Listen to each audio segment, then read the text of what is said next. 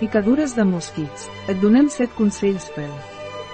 Les lesions de paràsits i insectes són picades o mossegades que provoquen inflor, picor i o envermelliment en major o menor mesura. Evitar les picades de casa, apagar el llum si les finestres estan obertes.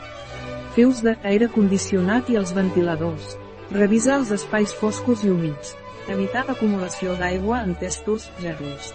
Allunyar-se de les zones on els insectes acudeixen o tenen els seus nius. Evitar perfums d'olors fortes i penetrants. Utilitzar peces de roba de colors clars, evitant els tons foscos i colors brillants. Imatge de El Mundo és un article de Catalina Vidal Ramírez, farmacèutica, gerent de Biofarma és.